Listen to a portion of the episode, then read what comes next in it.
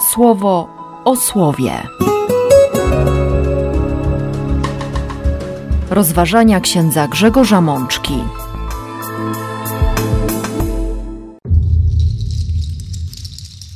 Trzydziesta trzecia niedziela zwykła, rok C. Z księgi Malachiasza. Dla was, żyjących w bojaźni mojego imienia, wzejdzie słońce sprawiedliwości i uzdrowienie w jego promieniach. Z Psalmu 98. On nadchodzi, by odbyć sąd nad ziemią. Z drugiego listu do Tesaloniczan. Wy, bracia, nie ustawajcie w dobrym postępowaniu. Z Ewangelii według świętego Łukasza. Przez swoje wytrwanie zapewnijcie sobie życie. Siostry i bracia, przed nami liturgia niedzieli rozpoczynającej przedostatni tydzień roku liturgicznego, roku kościelnego. I Pan daje nam dziś we wspólnocie Kościoła słowo, konkretne słowo, które, które pokazuje trochę koniec czasów. A przynajmniej tak możemy czytać to słowo.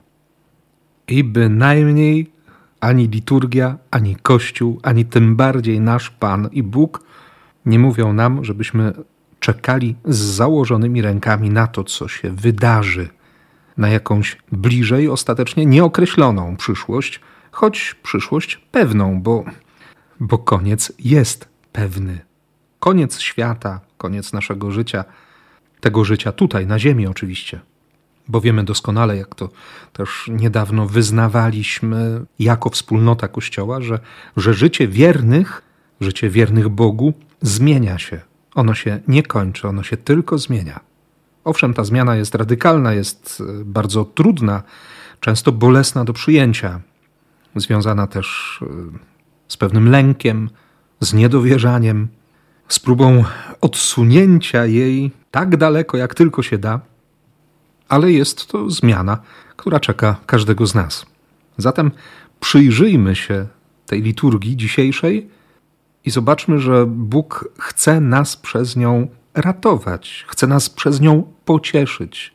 Jego słowo, jak zawsze, przychodzi po to, żeby nas umocnić, żeby dać nam nadzieję, żebyśmy jeszcze raz podnieśli głowy, podnieśli głowy wysoko i zobaczyli, że możemy ucieszyć się Bożymi planami, Bożym spojrzeniem na nasze życie, na przyszłość świata, na rzeczywistość zbawienia, które się dzieje między nami, tak jak to usłyszeliśmy w liturgii słowa ostatniego tygodnia. Królestwo Boga jest między nami. Nie musimy czekać na nie wiadomo co, na nie wiadomo jakie królowanie czy obwołanie Chrystusa królem świata, wszechświata, całej przeszłości czy przyszłości, bo on tym królem jest. On sobie też wybrał bardzo realny i chyba trudny dla wielu do przyjęcia tron. Wszedł na tron krzyża, przyjął z naszych rąk koronę, którą rękami żołnierzy rzymskich włożyliśmy, a właściwie wbiliśmy w jego głowę. I, I on ani z tego tronu, ani z tej korony wcale nie rezygnuje. Oczywiście to jeden z powodów niezrozumienia jego obecności w tym świecie, ale na szczęście nawet to, co wydaje się nam zbyt trudne, niewłaściwe, nieoczywiste, niezrozumiałe, może być przez nas przyjęte jako, jako Jego droga do naszego serca, jako propozycja, którą daje każdemu z nas, byśmy, byśmy przyjęli Jego punkt widzenia, byśmy dali się zbawić bo po to jest to nowe przymierze zawarte przez krew Chrystusa, przez Jego śmierć i zmartwychwstanie. Autor pierwszego czytania jeszcze tego nie wiedział i choć, choć jego wersety bezpośrednio graniczą z przesłaniem Nowego Przymierza, Nowego Testamentu, w tym układzie Biblii z Ewangelią w redakcji świętego Mateusza, którą rozpoczyna rodowód Jezusa, czyli to mocne zakorzenienie w historii Izraela, prorok Malachiasz, którego dwa, a właściwie niecałe dwa wersety trzeciego rozdziału usłyszymy jako pierwsze czytanie, mówi nam o końcu. Nadchodzi dzień Pana, buchający ogniem jak piec do pieczenia chleba. Ogarnie ogniem ten nadchodzący dzień. Ale jednocześnie dla tych, którzy żyją w bojaźni imienia Boga, wzejdzie słońce sprawiedliwości i uzdrowienie w jego promieniach. Z jednej strony znak ognia i rozpalonego pieca, z drugiej strony słońce, którego blask jest uzdrowieniem. Nadchodzi dzień Pana. Nie po to, żeby nas przestraszyć, owszem, po to, żeby nas zmotywować ku dobremu, żebyśmy z jeszcze większą odwagą i życiem odrzucili grzech pożegnali się ze złem. Naturalnie niektórzy zapytają, czy warto. Jeszcze inni powiedzą, że przecież żyją porządnie i są naprawdę dobrymi ludźmi. Być może niektórzy stwierdzą, że, że ich grzechy wobec grzechów innych ludzi są niczym, ale przecież dobrze wiemy, że, że nie tyle o sam fakt grzechu i jego obecności, jego podstępnej natury która naszą naturę wciąż obezwładnia, upokarza, czasami potrafi ubezwłasnowolnić, a na pewno wynaturza i zniekształca. Nie o sam grzech chodzi. Chodzi o relację z Chrystusem, która, która otwiera na życie w łasce, która sprawia, że, że aż się chce kochać, skoro doświadczyło się takiej miłości Boga miłości absolutnej, przekraczającej wszystkie możliwe granice, miłości totalnie życiodajnej i nieprawdopodobnie miłosiernej. Dlatego niektórzy czekają na ten swój osobisty koniec świata z tęsknotą. Nie po to, żeby wreszcie skończyło się to życie, które jest pasmem udręk, cierpień, doświadczeń i trudności, ale, ale dlatego, że chcą poznać Chrystusa, którego, którego tutaj owszem uczą się, rozpoznają jakoś, ale chcą widzieć go w całej pełni. Chcą go doświadczyć już bez żadnych ludzkich ograniczeń. Mają taką miłość. Żyć w bojaźni imienia Boga. Wiemy, że bojaźń jest jednocześnie miłością, która zdaje sobie sprawę z tego, kim jest ten, którego się kocha. Że, że jego bliskość naprawdę pozwala spojrzeć na wszystko w zupełnie nowy sposób, trochę nie z tego świata. I jednocześnie ten nowy sposób myślenia, nowy sposób patrzenia sprawia, że, że człowiek naprawdę zaczyna dostrzegać to, na co wcześniej uwagi nie zwracał. I kocha w taki sposób, jakiego by się po sobie wcale nie spodziewał. Zresztą prorok Malachiasz w tej drugiej części wersetu 23 rozdziału swojej księgi powie: Wtedy wyjdziecie i podskakiwać będziecie jak cielęta, które wyzwoliły się z pęd. Dla nas, ludzi nowego przymierza, ludzi, którzy wierzą w zmartwychwstanie i wiedzą, że dusza ludzka jest nieśmiertelna, oczywista jest interpretacja sięgająca bram nieba. Ogarnie bezbrzeżna radość takie szczęście, które nie pozwoli siedzieć w spokoju. Wolność, absolutna wolność od grzechu, od tego wszystkiego, co, co napawa smutkiem w tej rzeczywistości, w tym życiu. Nawet jeśli mamy naprawdę dobre, naprawdę porządne życie. Dlatego słyszę to dzisiejsze słowo jako, jako zapowiedź radości, zapowiedź szczęścia i jednocześnie mobilizację do tego, żeby żeby odsunąć się, żeby odejść od grzechu, od zła, żeby już teraz pozwolić sobie na, na wypalenie tego, co nieboże, by ogień łaski, by ogień Ducha Bożego naprawdę umacniał ku dobru, by prowadził, by porywał w to, co jest, co jest szansą na wypełnienie Bożych pragnień i jednocześnie Bożych obietnic by, idąc dalej w księgę Malachiasza, stratować nie tyle bezbożników, ale właśnie swoje grzechy, swoje przywiązanie do zła, by to stało się prochem pod naszymi stopami, by móc odwołując się trochę do słów Jezusa, strząsnąć to wszystko z siebie. Być wolnym. Być naprawdę wolnym. Sporo słów o wolności na pewno wypowiadaliśmy lub usłyszeliśmy w ostatnich dniach przy okazji Narodowego Święta Niepodległości naszego kraju.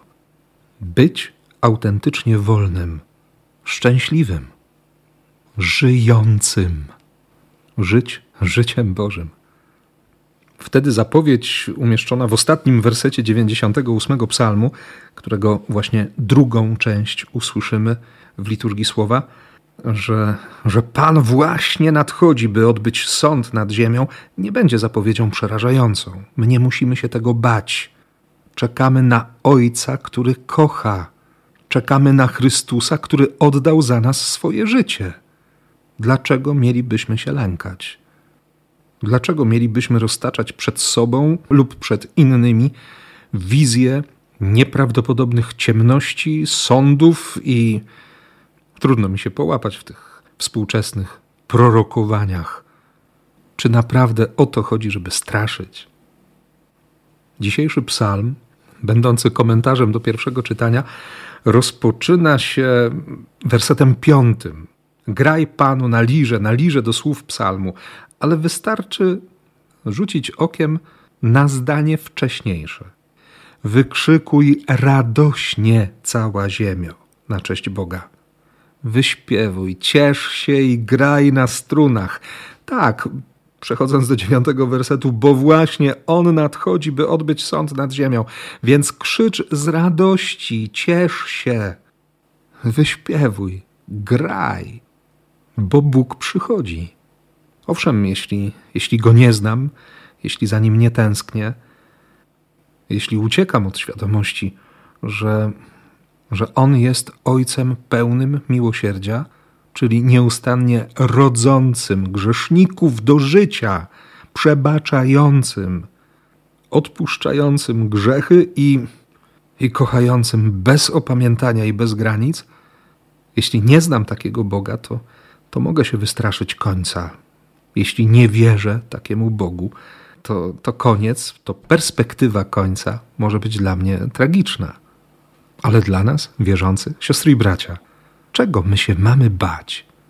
Być może dlatego apostołów narodów, święty Paweł, tak bardzo trzeźwo będzie pisał do wspólnoty chrześcijan w Tesalonikach, by się nie obijali, prowadząc bezproduktywne życie, by nie angażowali się w sprawy o błahym znaczeniu zamiast uczciwie pracować. Paweł napisze: Takich nie tylko wzywamy, ale i napominamy w Jezusie Chrystusie naszym Panu: uspokójcie się i zabierzcie w końcu do rzetelnej pracy. I w kolejnym zdaniu: Pozostałych wierzących zachęcamy, aby nie ulegali wpływom tamtych, lecz trwali w czynieniu tego, co jest dobre w oczach Pana. A chwilę wcześniej, w zdaniu, którego również nie usłyszymy dziś w liturgii, ale zachęcam, żeby rozpocząć lekturę tego czytania nie od siódmego, ale szóstego wersetu, a może i nawet od pierwszego wersetu trzeciego rozdziału, Paweł napisze to szósty werset. Bracia i siostry, w zastępstwie Jezusa Chrystusa, naszego Pana, nakazujemy Wam, abyście trzymali się z daleka od każdego, kto mieni się bratem lub siostrą w wierze, lecz nie postępuje według nauczania, które od nas przejęliście i żyje próżniaczo albo trwa w bezproduktywnym życiowym chaosie. W bardzo podobny sposób pisał do wspólnoty chrześcijan święty Jan Apostoł. W usłyszanym dopiero co fragmencie drugiego listu świętego Jana można było przeczytać o tym, co, co się dzieje, co się działo w tamtym kościele. Byli ludzie, którzy głosili własną wersję Ewangelii, rzekomo zgodną z rzeczywistością i nauką Chrystusa, i przy okazji wykorzystywali naiwność, niewiedzę, nieugruntowanie w wierze sióstr i braci, którzy, którzy już wcześniej otrzymali Ewangelię. Żyli na ich koszt, można by nawet twardo powiedzieć, łupili domy wierzących, zostawiali ich z niczym i przenosili się do kolejnych miejscowości. Święty Paweł przeciwnie, zaznaczy wyraźnie, że, że niczyjego chleba darmo u nikogo nie spożywał. Pracował razem ze swoimi towarzyszami dniem i nocą, by dla nikogo nie być ciężarem. Konkret życia, życia, w którym patrzy się z odwagą w przyszłość, życia, które jest zaufaniem Chrystusowi, ale absolutnie nie jest żadnym oderwaniem od rzeczywistości. Mimo, że ma się inne priorytety i nieco inną, bo Bożą perspektywę. Dobrze jest sobie przypomnieć słowa apostoła narodów właśnie dziś. Nie tylko w perspektywie kończącego się roku liturgicznego, ale, ale dziś, kiedy, kiedy przeżywamy Światowy Dzień Ubogich, kiedy jesteśmy zachęceni również do spojrzenia na, na Kościół potrzebujący pomocy, na nasze siostry i naszych braci, którzy, którzy czekają na nas. Kiedy pewnie w wielu parafiach przygotowuje się paczki dla mieszkańców ukraińskich miast. Przyjęcie Ewangelii wiąże się zawsze z konkretem życia. Święty Jan to też bardzo mocno zaznaczy w swoim pierwszym liście. Nie da się kochać Boga, którego się nie widzi, jeśli człowiek nie zwraca uwagi na braci i siostry, których ma obok siebie. Wiara realizująca się przez miłość, przez ofiarną miłość Bożą. Tyle otrzymałem od Pana. Doświadczam dzień w dzień Jego miłosierdzia, więc, więc dlaczego nie miałbym się tym podzielić z innymi? I właśnie z tego powodu można z odwagą i z zaufaniem patrzeć w niebo. Nawet jeśli dochodzą słuchy o, o nadchodzących kataklizmach. Zresztą Wiemy, że, że właśnie takie pytanie zadano Jezusowi w dzisiejszej Ewangelii. Kiedy to się stanie? Co będzie znakiem nadchodzącego kataklizmu? Warto oczywiście sięgnąć do wcześniejszych wersetów, zobaczyć konkretny, bardzo realny kontekst tej Ewangelii. Jezus znajduje się na dziedzińcu świątynnym, gdzie ludzie wrzucają do skarbony swoje ofiary. I tam właśnie oczy Chrystusa zauważają kobietę, ubogą kobietę, jakąś wdowę, która wrzuciła do skarbony dwa miedziaki. Oczywiście święty Łukasz zaznaczy, że uczniowie go nie słuchali, bo się przyglądali świątyni, upojeni jej bogactwem i wystawnością, wspaniałymi murami, złotymi ozdobami. W końcu Jezus zdecydowanie przerwał ich zachwyty, mówiąc: Całe to bogactwo, które tak bardzo podziwiacie, już wkrótce zostanie doszczętnie zniszczone. Kamień na kamieniu się tu nie ostanie. Tak, bo oczy Boga przede wszystkim zwracają uwagę na człowieka. Owszem, to wszystko, co, co jest w kościele, w świątyni, to jak ona wygląda, jest ważne, jest potrzebne również nam, żeby, żebyśmy sobie uświadomili i uświadamiali nieustannie, że Bóg jest godzien tego, co najlepsze, co najpiękniejsze co najbardziej wartościowe, ale jednocześnie nie zapomnieli, że właściwym i prawdziwym skarbem Kościoła jest człowiek. Od razu przypomina się święty Wawrzyniec, który zobligowany do, do podzielenia się z cesarzem skarbami Kościoła, przyprowadził wszystkich ubogich, chorych i powiedział mocno, wskazując na tych ludzi: To jest nasz skarb. Oni, to oni. I dalej Jezus kontynuuje, jakby widząc też nasze czasy, choć nasze nie odbiegają od Jemu współczesnych, czy, czy tego wszystkiego, co działo się na przestrzeni lat istnienia Kościoła. Jeśli chodzi o koniec obecnego świata, to bądźcie ostrożni, by ktoś was nie zwiódł. Pojawi się bowiem wielu takich, którzy będą twierdzić, że są moimi sługami i głosić: Ja jestem. Będą zapowiadać, iż koniec świata jest bliski. Wy jednak nie idźcie za nimi. Nie wpadajcie w panikę. Koniec nie nastąpi wcale tak szybko. Zanim wszystko to nastąpi, świat zwróci przeciwko wam całą swoją moc. Będą was prześladować, ciągać po sądach, oskarżać, wtrącać do więzień Będziecie wzywani przed namiestników i królów? Jednak to będzie dla Was znakomitą okazją doświadczenia o mnie. Dlatego nie zamartwiajcie się wcześniej, w jaki sposób się bronić. Z mojego powodu będziecie znienawidzeni. Waszym zadaniem będzie jedynie wytrwać. Tylko w ten sposób zdołacie ocalić swoje dusze. Przychodzą mi od razu na myśl słowa świętego Pawła z listu do Rzymian – czyli listu pisanego na okręcie, który wiózł Pawła do Rzymu, gdzie apostoł narodów stracił życie. Jeśli Bóg z nami, kto przeciwko nam? Jeśli On jest po naszej stronie, jeśli On chce nas zbawić, jeśli jesteśmy w Jego ręku, jeśli Jego śmierć i zmartwychwstanie gwarantują nam życie na wieczność, to, to czego mamy się bać? To czy musimy się bać? Naszym zadaniem jest wytrwać. A przecież, jak w innym miejscu napisze święty Paweł, nie opieraliście się jeszcze aż do krwi, walcząc z grzechem. Chyba, że ktoś z Was, siostry i bracia, doświadczył już takiej walki o duszę, o życie wieczne, o zbawienie, że tak mocno sprzeciwiał się pokusie, że życie w łasce kosztowało go cierpienie fizyczne. Tego nie wiem. Od czasów świętego Pawła też już minęło trochę, ale i słuchacze lub adresaci listów apostoła narodów, i ci, którzy słuchali Chrystusa na własne uszy, i my dziś we wspólnocie Kościoła, ludzie wierzący, uczący się wiary, my wszyscy jesteśmy zaproszeni, by, by popatrzeć na Boga, by z nadzieją spojrzeć w niebo, by ucieszyć się jeszcze raz konkretnym doświadczeniem błogosławieństwa, tą pewnością wiary, którą żyje Kościół. Nawet jeśli my mamy słabsze dni, słabsze tygodnie czy miesiące, nawet jeśli nam jakoś nie po drodze, jeśli doświadczamy bardzo konkretnych trudności, pokus, może i cierpienia, cierpienia spowodowanego kryzysami wiary. Bóg pokazuje nam dziś wspólnotę Kościoła, która, która wierzy. Możemy chwycić tę wiarę. Możemy wyciągnąć ręce, by, by nas Kościół poddźwignął, by nas zaniósł przed Jezusa.